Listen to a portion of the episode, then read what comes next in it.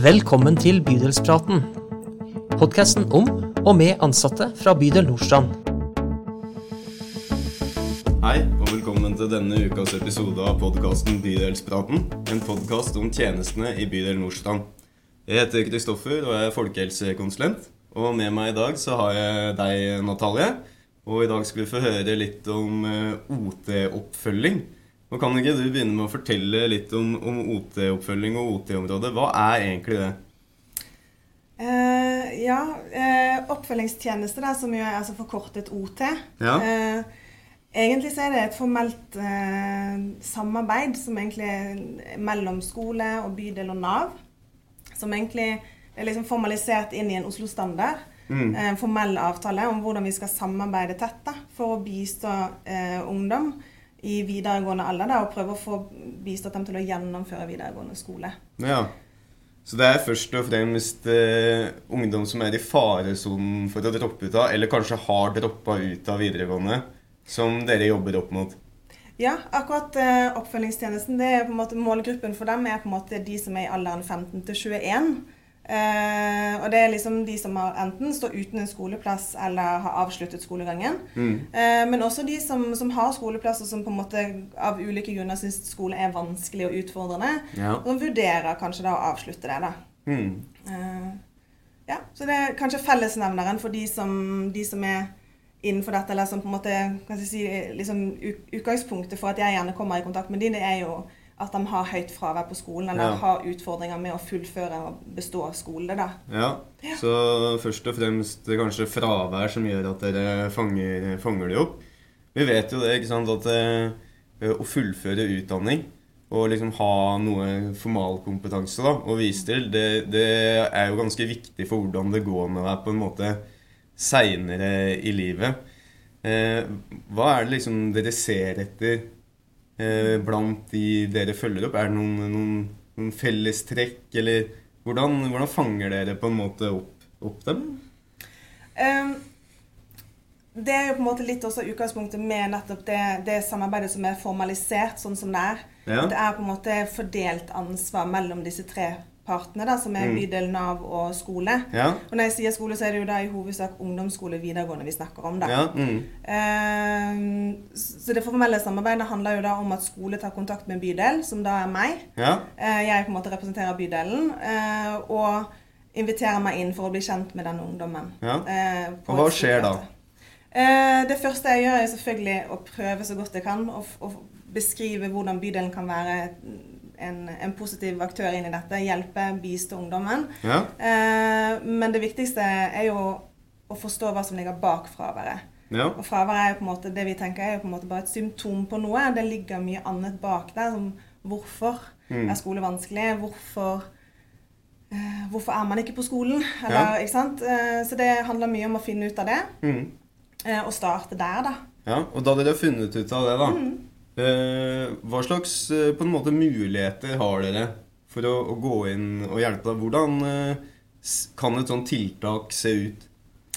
Eh, litt sånn grovt skissert så kan man egentlig skille det litt sånn i tre varianter. Ja, ok. Så Det ene er litt sånn La oss si hvis dette er en ungdom som, som, som ordentlig tenker at de, de, har virkelig lyst til å få det til med skole, og liksom de har et ønske om det, men det er mange ting i livet som, som gjør at det er vanskelig å konsentrere seg om skole. Ja. Eh, så blir det veldig mye å gå i dialog med skolen. Hvor mye tilrettelegging, oppfølging kan jeg gjøre? Kan de ha støttesamtaler med meg? Mm. Er det ting jeg kan bistå med i forhold til foreldreveiledning f.eks.? For ja. Eh, kan jeg bistå med andre ting på fritida? Koble de til tilbud som vi har eh, i forebyggende tjenester, f.eks. på fritidsklubb eller, eller, andre tilbud som Utekontakten har. Mm. alternativet er jo å, å, redusere den teoretiske delen i skolen. At man blir deltidselev, f.eks. mindre timeplan. Ja. Og at jeg kobler på mer praktisk arbeid. Så F.eks. arbeidstrening er jo det man gjerne kaller det på Nav-språket. Ja. Ikke sant? At man kanskje, Jeg går gjerne ut av å finne en bedrift som kan passe ut ifra denne personen. Og begynner å bygge litt mer mestring og opplevelser av at det er ting mm.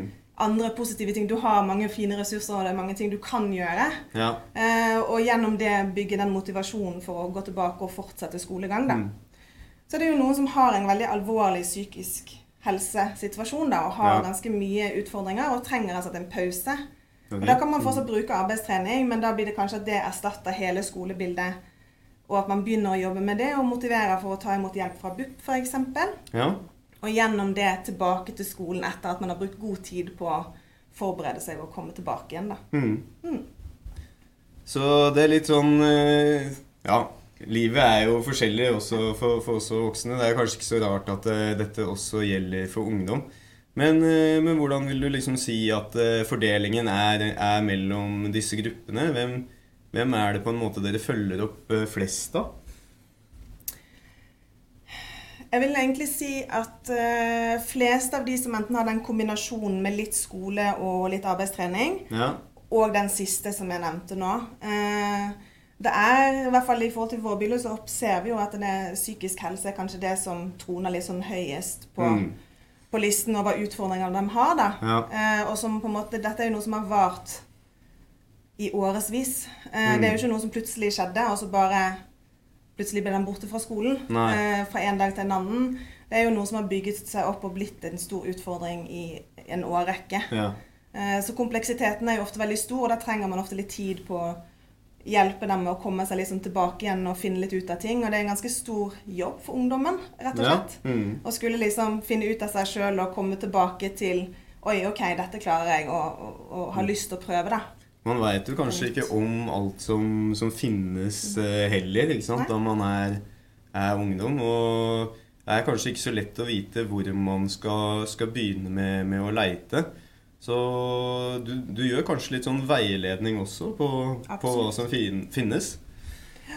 Eh, hvis det er noen eh, tenker at eh, man har lyst til å komme i kontakt med, med OT-oppfølging, eller oppfølgingstjenesten, hvor, hvor kan, man, kan man finne deg? Og er det flere enn deg som, som jobber med det? Eh, I bydelen er det jeg som har hovedansvar for det, så de fleste henvendelsene, eller alle henvendelsene kommer til meg. Ja. Jeg sitter fysisk på fritidsklubben siden jeg er en del av utekontakten. Mm. Eh, Så jeg sitter fysisk der, og da kan man selvfølgelig fysisk bare møte opp hvis man vil. Det er helt lav terskel å gjøre det. Ingen henvisning som trengs, men Nei. eh, jeg har jo også da både mail og telefonnummer som ligger ute på, på nettsiden og bydelens side. Ja. Så hvis du bare googler 'oppfølgingstjeneste bydel Nordstrand', eh, så vil du også finne navnet mitt med min kontaktinformasjon ja. direkte til meg. Sånn, eh, Jeg skjønner jo at eh, mange ungdommer har, har ulike forutsetninger, da. Men hvis det man på en måte er i en sånn situasjon, da, at man havner under oppfølgingstjenesten, hvor, eh, hvor lang tid varer på en måte et, eh, et eh, tiltak? Det er, og det er kanskje, kanskje det viktigste med oppfølgingstjenesten at det, det er ikke satt noe tid. Nei, det er ingen begrensning? Det er ikke en Det- beg altså Begrensningen ligger kun i det, i den, det aldersspennet som vi snakket om fra 15 til 21, Ja. som handler om for det er det tidsrommet hvor du har rett på skolegang Ja. på videregående skole.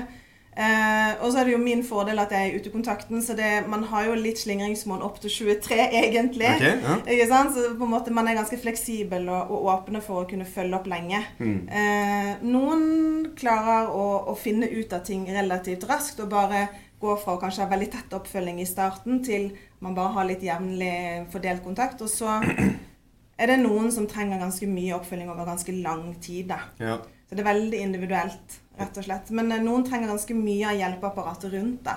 ja. Eh, Jeg tenker jo at det er en eh, styrke, da, at det er så fleksibelt. Og at det også liksom ikke er en sånn brå avslutning ved 21. da. Hvis man har, har behov, kan man liksom bli fulgt opp også litt, litt seinere, da. Ja. Ja. Er det noe annet du vil fortelle om, om oppfølgingstjenesten, sånn helt på, på tampen? Noe vi har liksom glemt å fortelle om? Nei, altså, eller det litt sånn Helt i starten så var det jo dette med dette trepartssamarbeidet, så det kan jo være greit å bare si at i hovedsak så er det jo skole som egentlig har liksom hovedansvaret for Ja. å følge opp elevene sine. Da.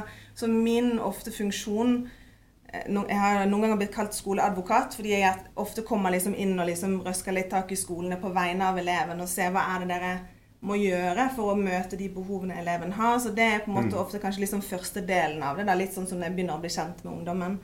Eh, men eh, altså utover det, fortsatt sånn som utekontakten, brobygger, bistår med å motivere til å ta imot hjelp, eh, og tilgjengelig for alle som er i den aldersgruppen. Eh, og også for foreldre, hvis de trenger litt råd og veiledning. Ja, nei, men det er fint at også foreldre kan ta kontakt. Tusen takk for at du kom, eh, Natalie. Det var kjempespennende å høre egentlig litt mer om hva dette OT-arbeidet faktisk er.